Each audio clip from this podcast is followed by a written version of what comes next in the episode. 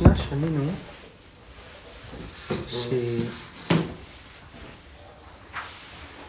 שהושלמה איתה קרבה.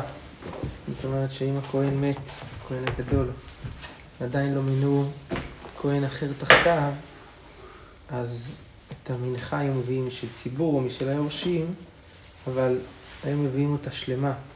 כלומר, לא חצי עיסרון בבוקר חצי עיסרון בערב, אלא עיסרון שלם. אומרת הגמרא על זה ככה, רבי יוסי אמר, רבי יוחנן באי, שאל, מהו שלמה? מה הכוונה שלמה? הכוונה שלמה בשחרית ושלמה בין הארבעים? או שהכוונה שלמה בשחרית, הבטלה של בין הארבעים. בין הארבעים בכלל לא מביאים, כי הוא כבר הביא את הכמות. ואומרת על זה כד לב. אחרי שהוא שאל, הוא פשט את השאלה הזאת. שלמה בשחרית ושלמה בין הארבעים. למה? לגבי המנחה הזאת של הכהן הגדול כתוב ככה, דכתיב מנחה תמיד. ככה כתוב שם. ומזה שכתוב תמיד, כמו קורבן תמיד. כמו קורבן תמיד הוא בא גם בשחרית וגם בין הארבעים. הגמרא אומרת, ודת צריכה לי. זה מה שהוא צריך. זאת אומרת, זה מה שהוא שאל, זה מה ש... שהוא מסתפק. שלושה לוגין, הרי הכהן הגדול היה מביא שלושה לוגים של שמן עם המנחה שלו. לוג וחצי בבוקר ולוג וחצי בערב. מה הן? שלושה לוגים שחרית ושלושת לוגים בין הארבעים צריך להביא, או לוג ומחצה שחרית ולוג ומחצה בין הארבעים. אז אה, הגמרא אומרת, אמר רבי חזקיה, ופדה צריכה ל. גם ספק נוסף הוא הסתפק, רבי יוחנן. מה הספק? לגבי הלבונה שמביאים עם המנחה.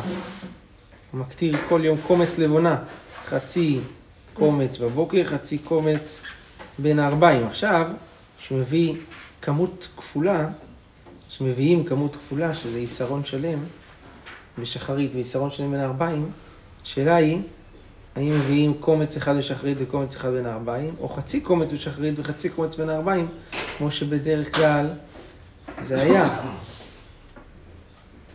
הגמרא פושטת את הספקות ככה. אמר רבי יוסה, כלום למדו לקומץ, לא מלחם הפנים. מאיפה למדו את ההלכות של קומץ הלבונה? מלחם הפנים. אז ממילא אנחנו נלמד מזה גם כן להלכה הזאת, שמה להלן שני קומצים, בלחם הפנים היו מקטירים שני קומצים של לבונה, אז גם כאן, במנחה של הכהן הגדול, מנחת חמיטין, צריך להקטיר שני קומצין, אחד בשחרית ואחד בין הארבעים. אז השאלה השנייה נפתרה. השאלה הראשונה, אמר רבי חזקיה, לגבי השמן, כלום למדו שלושת לוגין, לא מתמיד. מה להלן שלושת לוגין? אף כאן שלושת לוגין. כמו שבקורבן תמיד היו מביאים שלושה לוגים בשחרית ושלושה לוגים בין הארבעים, ולא לוג וחצי, לוג וחצי. זה אותו דבר כאן, צריכים להביא במנחת חבטין שלושה לוגים, אה, שלושה לוגים בשחרית ושלושה לוגים בין הארבעים. יפה. טוב. עוד, עוד אמרנו במשנה שהבאנו במשנה נכון את התקנות שחכמים תיקנו, ואחד מן התקנות זה היה שלא יהיה מעילה בפרה אדומה, באפר של הפרה. אז הגמרא אומרת את זה, רבי שמואל בר נחמן בשם רבי יונתן, הוא אומר כך, בדין היה שימעלו בה והן גזרו שלא ימעלו. כן? זאת אומרת, מהמשנה זה נשמע שלפי דין תורה היה ראוי למעול, שהיה מעילה באפר, חכמים גזרו שלא תהיה מעילה. ככה נשמע, אבל זה קשה. כי ואת תני חטאת מלמד שמועלים בה. בה, בה מועלים ואין מועלים באפרה. לומדים מפסוקים שמעילה היא רק בפרה עצמה, אבל לא באפר שלה. ומהמשנה עכשיו היה נשמע לנו שאם תקנו שלא יהיו מועלים, שמדין תורה המועלים, הם תיקנו שלא היו מועלים. פה רואים שמדין תורה לא מועלים באפר של הפרה. אז איך זה מסתדר? הגמרא מתרצת ככה, אמר רבי אבהו, בראשונה היו משתקשקים בה, הכוונה מזלזלים בזה, ונותנים אותה על גבי מכותיהם. לוקחים את האפר פרה, אולי גם סגולה זה היה, זה, לשים אותה ככה. והיו מניחים את זה על גבי הפצע, כי אפר הוא מרפא את הפצע. ולכן גזרו שימלאו בה. כיוון שנגדרו, גזרו שלא ימלאו. זאת אומרת, הדיוק הראשוני הוא, הוא דיוק של טעות. זה לא שאם גזרו שלא ימלאו, סימן שמדאורייתא מועלים. לא מדאורייתא לא מועלים, הם גזרו שימלאו. אנשים השתמשו, אחר כך גזרו שלא ימלאו. כבר נגדרו, כבר אה, הפסיקה, התקלה הזאת הפסיקה. טוב. של הכינין. אמרנו במשנה שאחד מהתקנות זה שעל הכינין הפסולות שיהיו באות משל ציבור. רבי יוסי אומר שהמספק את הקינים הוא מספק את הפסולות. כלומר מביאה אה, דברים שכבר ראינו, תמן תנינן, ראינו שאם אה, נמצאות מעות בין השופר של הקינים לשופר של הגוזלי עולה, אז מחצה, אה, מחצה ייפלו לגוזלי עולה. כשזה חצי חצי, אז ייפלו לגוזלי עולה. והגמרא מקשה איך אתה נותן את זה לעולה, הרי על הצד שזה של הכינים, של, כן, של החטאות, אז האישה הזאת שהביאה את הקן הזה לבית המקדש, למה היא מתכפרת? איך היא תתכפר אם אתה מקריב את זה עולה? אמר רבי יצחק, תנאי בדין הוא שהמספק את כל הכינים, את הכינים, הוא מספק את הפסולות ואת העובדות.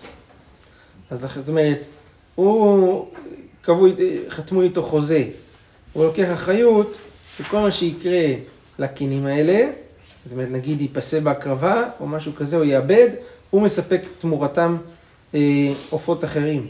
ולכן המעות שנמצאו בין הקינים לגוזלי עולה, הן קרבות לעולה, אבל הסוחר יביא, אה, יביא מחדש, אחת לעולה ואחת לחטאת, ואז בזה אה, זה יוקרב אל האישה, על האישה ש, שהייתה אמורה... שזה בעצם מביא את הכסף הזה של הכלים. זה כמו שעשינו בסיום. שמה? שהוא הציע לי, ביטוח. אם יש כל פגם או משהו כזה, מביאים כן. לך... כן, כן, כן, בדיוק. אבל פה זה, זה לא הפגם, זה אפילו על הספק, הרי יכול להיות שזה בכלל נפל מגוזלי עולה, הכסף פה.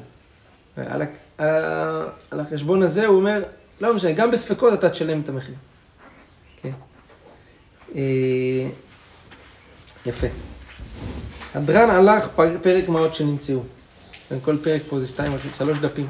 בפרק הבא זה פחות משתי דפים. יש לנו עד הסיום. בסדר. אומרת המשנה, משנינו את המעות שנמצאו בירושלים, נכון? ובשר נמצא במקדש ובירושלים. אז עכשיו הגמרא אה, אגב, הדבר הזה תדון לגבי רוק שנמצא בירושלים, האם יש לו חששות של רוק של זב וזבה שמטמא. המשנה אומרת כך, כל הרוקים הנמצאים בירושלים טהורים, חוץ משל שוק העליון שטמא שם. הגמרא אומרת ששם היו הרבה גויים בשוק העליון. אנחנו יודעים שחכמים גזרו על הנוכרים להיות כזבים בכל דבריהם. והרוק שלהם מטמא. דברי רבי מאיר. רבי יוסי אומר, הוא חולק עליו, רבי מאיר. הוא אומר כך, גם הרוקים שבירושלים יכולים לטמא. בשאר כל ימות השנה, שבאמצע, הכוונה באמצע הדרך טמאים, שבצדדים טהורים. שם הולכים מי שלא רוצה להתאמן בצדדים של הדרכים. זה כל הימות השנה. אבל בשעת הרגל להפך, באמצע הטהורים, ארוכים שבאמצע, כי שם הרוב הטהורים הולכים, והטמאים הולכים בקצוות. שבצדדים טמאים מפני המע... שהמיעוטים מסתלקים לצדדים. תמיד המעט הולכים בצד, בשוליים. כן? אז ב... ברגל, הטמאים זה המעט. בימות השנה, כנראה הטמאים זה הרוב. טוב. כל הכלים הנמצאים בירושלים, מצאת כלי בירושלים סמוך למקווה, כן? אם זה, טמא או טהור, אפשר להשתמש או אסור להשתמש, ראינו את זה כבר, אתם זוכרים? והגמרא גם פה תביא את זה לגבי הסכין והקופיץ. אז מותר להשתמש בכלי או אסור, אם זה דרך ירידה לבית הטבילה, טמאים. אם זה דרך עלייה, טהורים. טמאה להם דרך שבה הם יורדים למקווה ודרך שבה עולים מהמקווה. היה חד סטרי, הדרך למקווה. אז... כמו שיש אצל נשים. שמה? שמה? שלא, אחת שיוצאת לא רואה את השנייה, אז יש כאילו יציאה. כן, לפעמים. לפעמים זה לא בנוי ככה, כן. אה, בדיוק, היציאה צריכה להיות אה, בצד שני. כן, גם כדי שלא ליצור פקקים, וגם פה כדי גם לזהות את המציאות.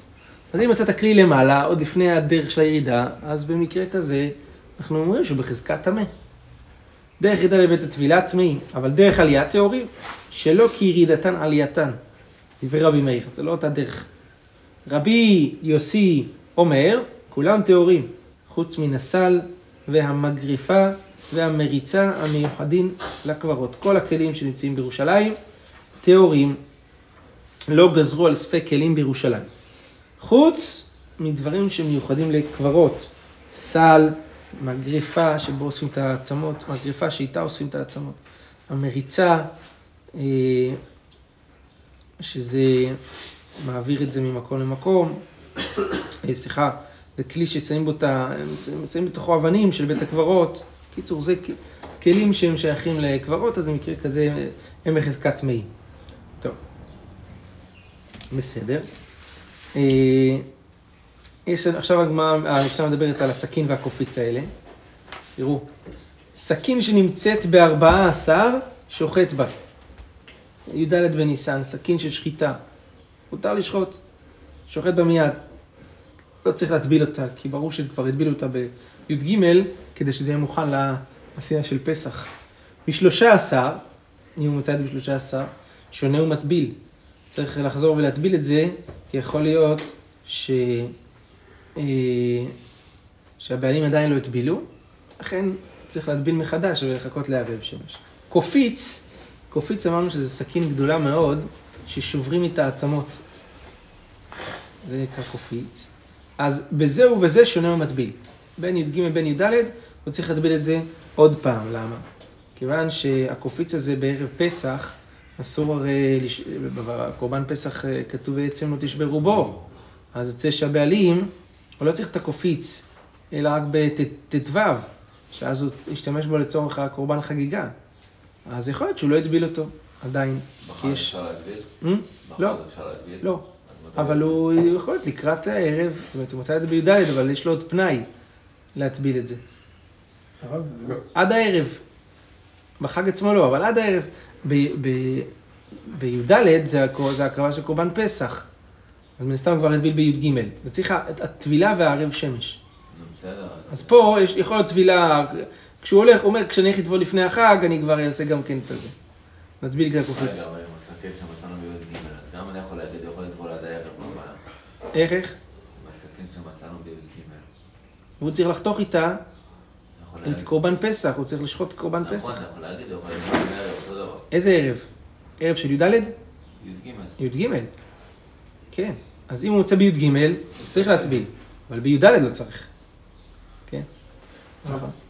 זה מוזר מאוד, כאילו פסחים, כל ההנחות לגבי פסחים בירושלים וזה, שיש אחד שבא, כאילו, לחשש לא ברית מילה, וזה ששוכח, וזה שבא בדרך רוקה, כאילו הכל, כאילו לוקחים שכאילו, קצת זלזלו הרבה, וש, ושצריך לשמור על הכללים כדי לא, לא ליפול. ופה בשקלים זה הפוך, כאילו זה, אם זה בירושלים בי"ד, כמובן שמישהו טבל את זה, כאילו, זה, זה כאילו כשכולם היו פרפקט בירושלים באותה תקופה. זה קצת מוזר הסתירה כזו, לא? אה, תלוי במה, בדברים, ב- השאלה ביחס לאיזה דברים. על כלים, זה דבר שבדרך כלל אנשים, כלים שהם מוכנים לפעולה. ופה זה, סכין של שחיטה, אבל בירושלים, בי"ד צריך לשחוט מיליון, מיליון אה, כבשים, אז אה, כן, מן הסתם, אדם מגיע מוכן. שכל ה... זה כבר, לא- זה לא הסוגיה הראשונה, כאילו ראינו שאם אתה מוצא בשר, אז אה, זה עניין של קשר עם רוב יהודי, כאילו, זה הכל פה, כאילו, סוברים על זה שאנשים, אם יהודים עושים, כאילו, ואם אה, אם זה בי"ד, כן, כן, ברור, ברור שזה כן. שזה יותר מזה. דווקא בירושלים, כמו שאמרנו. כן. כן, כן. ברור. ואתה, ואתה משער שאתה, מוצ... שאתה מוציא את הכלי באותו יום. כי זה שאתה מוציא אותו בי"ד זה לא אומר שזה לא כבר... אז קל וחומר. שנים על הרצפה. אז קל וחומר. אה, אתה- קל וחומר, לא. לא, מה זה משנה עכשיו למצוא בי"ג או י"ד? יכול להיות שזה כבר שבוע ככה מה... על הרצפה. יכול להיות. ואז אתה אומר, זה, אם יצאת בי"ד זה כמו למצוא בי"ג, אז צריך להיות שונה ומטביל. עכשיו אומרים כאילו, כשאתה מוציא זה כן לפני שעה. אז זהו, זה בסדר, י"ד, י"ד. דחוק י"ג. להגיד ככה. אתה חושב שנמצא סכין על הרצפה, ועוברים פה באיזה י"ג, איזה י"ד, עוברים שם מיליארד איש, עומדים שם בירושלים. הוא מסת- כל המסתובבים שם, לא מצאו את זה. יכסה את זה, יבוא בי"ד, הוא אומר, לא צריך לטבול עכשיו, זה י"ד. לא, אין, סיכוי שבן אדם יכסה את זה וישאיר את זה ברחוב, והסיכוי שלו למצוא את זה חזרה אפס. הרי ראינו בדיוק בדף הקודם לגבי עזרתיה ופלטיה גדולה.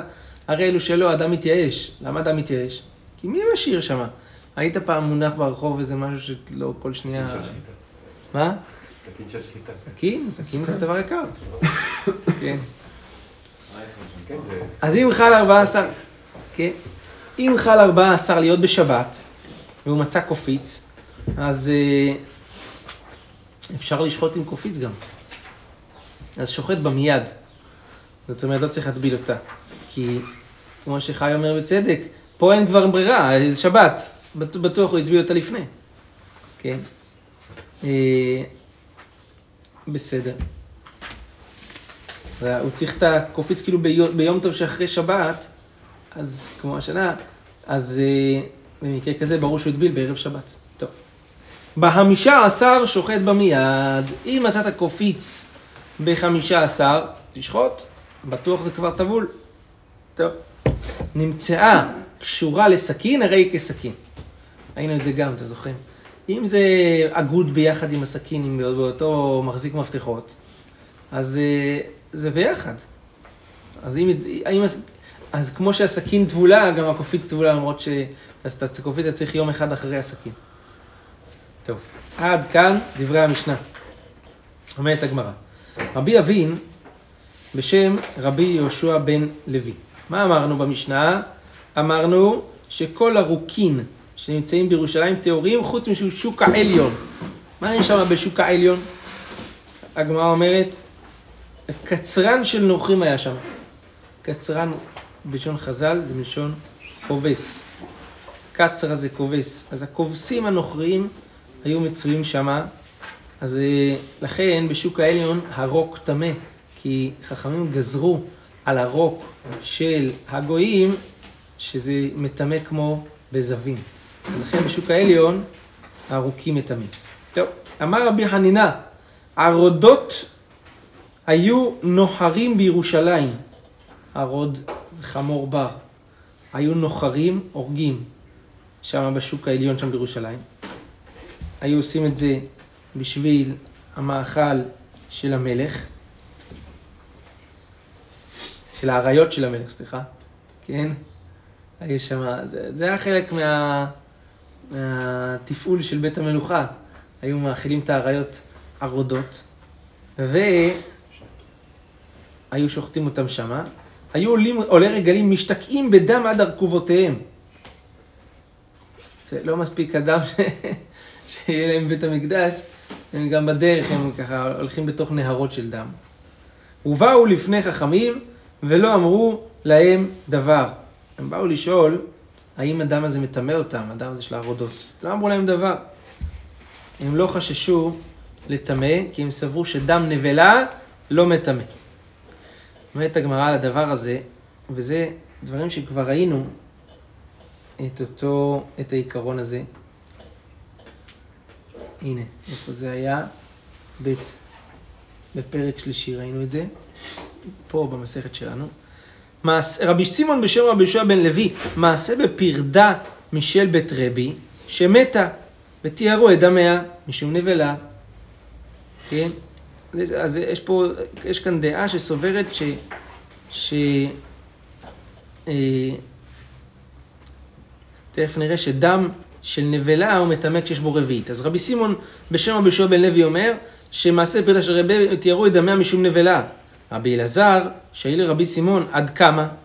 עד איזה שיעור של דם תיארו את הדם הזה? עד רביעית או גם ברביעית? ולא הגיבי, לא, ענה- לא ענה לו. ושאל לי רבי יהושע בן לוי, אמר לי, עד רביעית טהור, אבל יותר מכאן, טמא הדם של הנבלה. ובאש לרבי אלעזר דלא חזר לרבי סימון שמועתה. הכאיב לו לרבי אלעזר, שרבי סימון לא ענה לו. כמו שרבי יהושע בן לוי ענה לו לחלק בין פחות מרביעית ליותר מרביעית דם נבלה שמטמא. דוגמה דומה לסיפור כזה, רב ביבי אבה יתיב מתנה עדן עובדה. רב ביבי ישב ושנה את העובדה, את המעשה הזה, את הפרדה של אה, רבי, שתיארו את הדם שלה בגלל נבלה. אמר לרבי יצחק בר ביסנא עד כמה? כמה הדם היה שם של נבלה שהוא, שהוא טהור? אמר לעד רביעי טהור, יותר מכאן, טמא. כך אמר לו רבי יצחק בר ביסנא. בעט ב. סליחה, זו שאלה. הוא אמר לו, עד רביעי טהור, יותר מכאן טמא? שאל אותו שאלה. כן? עד רביעית זה, מרביעית זה טמא או שרביעית זה גם טהור? ובמקום לענות לו, רב ביבי בעט בו. כן? נהג איתו, כן, הוא לא ענה לו על השאלה, בעט בו. אמר לי רבי זריקה, בגין דאבה שי אחד בית בה, שואל אותך שאלה, אתה לא יודע לענות תשובה, אז אתה בועט? אמר לי, בגין דלא אבת דעתי בי. דעתי לא הייתה מיושבת עליי. אז מה הכוונה? נו, אז למה זו תשובה טובה? אז אולי הכוונה, ולכן כאילו, מה אתה שואל שאלות שדעתי לא מיושבת? באמצע משהו, עכשיו אתה שואל שאלה. ואמר רבי חנין, ראינו את זה כבר, והיו חייך תלויים לך מנגד, זה הלוקח, זה שהוא לוקח חיטין לשנה. הכוונה, הוא לוקח לשנה שלמה, ואין לו קרקע לזרוע, חייו תלויים, אה, הוא לא יודע אם יהיה לו כסף לשנה הבאה לקנות חיטים. ופחדת לילה ויומם זה שהוא לוקח מן הסדקי, כלומר לוקח תבואה קצת קצת, אז אה, אין לו מספיק כסף כדי לקנות לשנה שלמה, הוא חושש שהסדקי ימכור את כל הסחורה שלו ולא יהיה לו מה לקנות, אז הוא קונה קצת קצת. ולא תאמין בחייך, זה שלוקח מן הפלטור, מהפלטר שאופה את הלחמים, ולפעמים הוא צריך לאכול וכבר המאפייה סגורה ואין לו, אין, הוא מכר כבר את כל הלחם שיש לו. זה לא תאמין בחייך. וענה, סמיך הפלטרה. אני במצב הזה של עניות שאני סומך על הפלטר. לכן דעתי לא הייתה מיושבת עליי ולא השבתי כראוי. כן. בסדר. מהי כדון? אז מה ההלכה לגבי רביעית דם נבלה? מטמא או לא מטמא? מה ההלכה בזה? אומרת הגמרא, עיד רבי יהושע בן פטורה על דם נבלות שהוא טהור. טהור. משמע טהור? טהור לגמרי. גם יותר מרביעית, דם נבלה לא מטמא. מהו טהור? אומרת הגמרא, לא, זה טהור מלהכשיר, על להיטמאות מטמא. הוא רק טהור מלהכשיר אחרים לקבל טומאה, אבל הוא בעצמו מטמא ברביעית דם של נבלה שכן מטמא. הגמרא מקשה על הדבר הזה, טמנת תנינן, דם השרץ מטמא כבשרו. זאת אומרת, לדם ולבשר של השרץ זה דין אחד, זה אב הטומאה. כבשרו. ובכעדשה, והם משלימים אחד את השני. אם יש חצי עדשה דם וחצי עדשה בשר, מטמאים. מטמא ואינו מכשיר, זאת אומרת, הדם הוא מטמא, אבל הוא לא מכשיר לקבל טומאה, ואין לנו כיוצא בו. אין לו דבר כזה. עכשיו, מה אנחנו אמרנו לפני רגע? שהעמדנו שמה שרבי יהושע בן פטורה אה, אמר שדם נבלה טהור, הכוונה טהור מלהכשיר, אבל מטמא. זאת אומרת, הוא לא מכשיר לקבל טומאה, אבל הדם עצמו כן מטמא. לפני רגע, אבל עכשיו אמרנו מה? שבשרץ, הדבר, זה שרץ, הדם של שרץ זה הדם היחיד שהוא אה, מכשיר. טהור מלהכשיר ומטמא. אז, אז עכשיו, זה לא כמו, אבל לפי מה שאנחנו אומרים, העמדנו הרגע, זה גם נדם נבלה הוא כזה. אז למה זה אין לנו כיוצא בו? אז הגמרא מסבירה, מה שהכוונה אין לנו כיוצא בו, הכוונה כשיעור טומאתו. לא מצאנו בשום מקום שהשיעור של הדם שמטמא זה כמו השיעור של הבשר, כמו בשרץ. אבל דמו מטמא כבשרו. אבל את הדין הזה, שדמו מטמא כבשרו, זה מצאנו גם בנבלה, כמו שאמרנו, שהדם מטמא כמו הבשר ברביעית, כזית ורביעית. אמר רבי יוסי, פליגי בה תרן אמוראין. אחד אמר, ראינו את כל, כל הגמרא הזאת ראינו כבר, אתם זוכרים? בדיוק אותו דבר כבר ראינו בפרק שלישי. כל הסיפור הזה עם הדם נבלה ואת כל הדו-שיח, את הכל פה, כל זה העתק הדבק משם. כן. אמר רבי יוסי, פליגי בה תרן אמוראין, אחד אמר טמא ואחד אמר טהור. מאן דאמר טמא כרבי יהודה, מאן דאמר טהור כרבי יהושע בן פטורה. לגבי ד- רביעי דם של נבלה, יש מחלוקת אמוראים אם זה מטמא או לא. אחד אומר שטמא ואחד אומר שטהור. מי שאומר שטמא זה כמו רבי יהודה, שאומר שבית הלל מטמאים דם של נבלה, ומאן דאמר טהור זה כרבי יהושע בן פטורה, שהוא העיד על דם נבלה שהוא טהור. אמר לרב אבדומה דמין נחותא ויעוט, זה נכון, טוב אה, ש... שמה שאמרת שהמטמא סובר כרבי יהודה. למה? דרבי יהודה מוריאנא דבנשיא אבא. רבי יהודה היה מורה ההוראות בביתו של רבי. לפיו היו עושים את הכל. והוא הורה להם את הפרדה של בית רבי, הוא הורה להם את הדבר הזה לטהר. כי היה שם פחות מרביעי דם, ודווקא פחות מרביעית זה טהור, אבל יותר מרביעית זה טמא. בסדר. יופי. כל הרוקים אמרנו, שנמצאים בירושלים טהורים חוץ משל שוק העליון. הגמרא אומרת, לא כן אמר רבי אבאו בשם רבי יוסי ברבי חנינה, לא גזרו על הרוקים שבירושלים? מה המשנה? עולה? מהמשנה עולה שרוקים שנמצאים בשוק העליון טמאים, אבל אה, רבי אבאו אמר שלא גזרו על ביר- שנמצאים בירושלים. הגמרא אומרת, היתמר עלי רבי אבי בשם רבי יהושע בן לוי, קצרן של נוכרים היה שם. בסדר, זה שאר ירושלים. בשוק של הנוכרים, מה יש לדבר? שם גזרו, שהם כזבים, ולכן גם הרוק מטמא. יפה. טוב, אמרנו עוד שרבי יוסי אומר שיש חילוק בין שאר ימות השנה לבין הרגל, לגבי האם הרוק נמצא באמצע רשות הרבים או בצדדים של רשות הרבים. שהמיעוט הולכים בצדדים.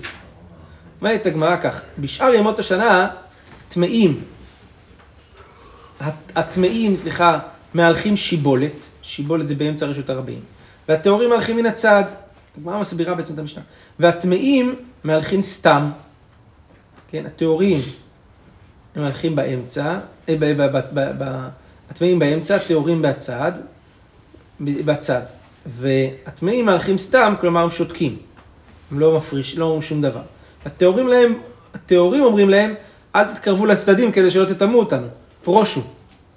בשעת הרגל זה הפוך. הטהורים מהלכים שיבולת, באמצע הדרך, הרוב טהורים, והטמאים הולכים מן הצד, וטהורים מהלכים מן הסתם, כלומר הם שותקים, והטמאים אומרים להם פרושו. תיזהרו שלא תטמאו. בקיצור, מי צריך להזהיר? מי שנמצא במיעוט, הוא צריך להזהיר, כן? בסדר. כל הכלים הנמצאים בירושלים, אמרנו אם זה על דרך הירידה למקווה טהור, טמא, דרך עליית האור. הגמרא אומרת, לא כן אמר רבי אבאו בשם רבי יוחנן, לא גזרו על הכלים שבירושלים. אז המשנה סותרת את רבי אבאו. הגמרא אומרת, תשובה, מכיוון שנמצאו דרך ירידה לבית הטבילה, נעשו הוכיח. הוא דיבר על סתם כלים שנמצאים בירושלים. כלי שנמצא בדרך לבית הטבילה, זה הוכחה, לא? שהוא טמא והוא בדרך להתאבל ונפל בדרך. טוב. כן. מה? זה יכול להיות משני הכיוונים. כן, אז אם זה דרך ירידה, אה, זה שני דברים שונות? כן, זה חד סטרי. אם זה בדרך ירידה, טמא, דרך עליית האור. כן. אז המשנה אומרת כך, רבי יוסי אומר, כל הכלים שנמצאים בירושלים טהורים, חוץ מסל מגרפה מריצה, שהם מיוחדים לקברות. אבא שאול היה קורא אותן, אה, את המריצה, הוא היה קורא לזה ציפורין. מאן דאמר ציפורין, זה, למה הוא קרא לזה ככה? שהיה דומה לציפורין. זאת אומרת, זה ציפורין, זה כמו ציפור, שזה היה כלי חד כזה שהיו חופרים איתו באדמה קשה. ומאן דאמר, כמו, לא זוכר איך קוראים לדבר הזה. יש את המעדר ויש מקוש כזה, כן? כמו מקוש אולי. ומאן דאמר, מריצה שמריצה את האבן לבית הקברות, כן? לכן הוא קרא לזה מריצה, כי זה מריץ את האבן לבית הקברות. טוב. קופיץ אמרנו שאם היא קשורה עם הסכין, היא כמו הסכין. תני, הסכין קשורה לה, הרי זו כמותה. אז הנה הברייתא גם אומרת שאם הסכין קשורה לקופיץ, אז זה חולק על המשנה. אנחנו אמרנו שהיא כסכין. אבל פה כתוב שסכין שקשורה לארץ או כמותה, היא כמו הקופיץ. לחומרה, כן, שהקופיץ אמרנו זה יותר חמור מה, מהסכין, נכון? שגם אם נמצאת בי"ד, צריך להטביל, אותה שוב פעם את הקופיץ. אז זה ברייתא שחולקת על המשנה. אומרת המשנה הבאה, פרוכת שנמצאה, בבל... נטמאת בבלת הטומאה. פרוכת שבין קודש לקודשים לבין הקודש. היא נטמאת בבלת הטומאה, היא נגעה במשקים טמאים, אז מטבילים אותה בפנים. כיוון שמדאורייתא רק אב הטומאה מטמא ולא בלת הטומאה, אז לכן היא טמאה רק מדרבנן, לכן מטבילים אותה בפנים. ומכניסים אותה מיד חזרה למקום. וכשנטמאת באב הטומאה, אז היא טמאה מדאורייתא, צריך להוציא אותה מ- מחוץ לעזרה, כי זה, זה, זה, זה טומאה מן התורה, אסור לש- לשעות אותה במקדש, אז לכן מטבילים אותה בחוץ. שוטחים אותה בחיל, פני שהיא צריכה ערב שמש, מניחים אותה שם עד שתהיה ערב שמש. אם הייתה חדשה, שוטחים אותה על גג האצטבה כדי שיראה העם מלאכתה שהיא עושים את זה, כן, כשהעם יראו ויגידו, וואו, איזה פרוכת יפה, מי תרם את הפרוכת הזאתי? בוא נתרום גם. כי היו מחליפים שם, היה, היו עושים שתי פרוחות כל שנה. רבן שמעון גמליאל אומר, משום רבי שמעון בן הסגן, פרוכת עוביית טפח, תראו איזה גודל זה היה, על 72 נימים, ונהרגת, על כל נימה ונימה 24 חוטים, אורכה היה 40 אמה, רוחבה 20 אמה, 40 אמה על 20 אמה על עובי טפח, ומ-82 ריבו של, של אה, 820 אלף חוטים הייתה נעשית, זה החשבון. ושתיים היו עושים בכל שנה, ושלוש מאות כהנים היו מטבילים אותה. להטביל דבר כזה, זה כמות אדירות של בד, סופג אין סוף של מים, אז צריך הרבה מאוד אנשים להרים את הדבר הזה. כן, אומרת הגמרא, אילו אמר חוט, איך אנחנו לומדים את הכמות של החוטים של הזה? נעצור תולים פה. מה? היו תולים אותה. כן, עם 300 כהנים.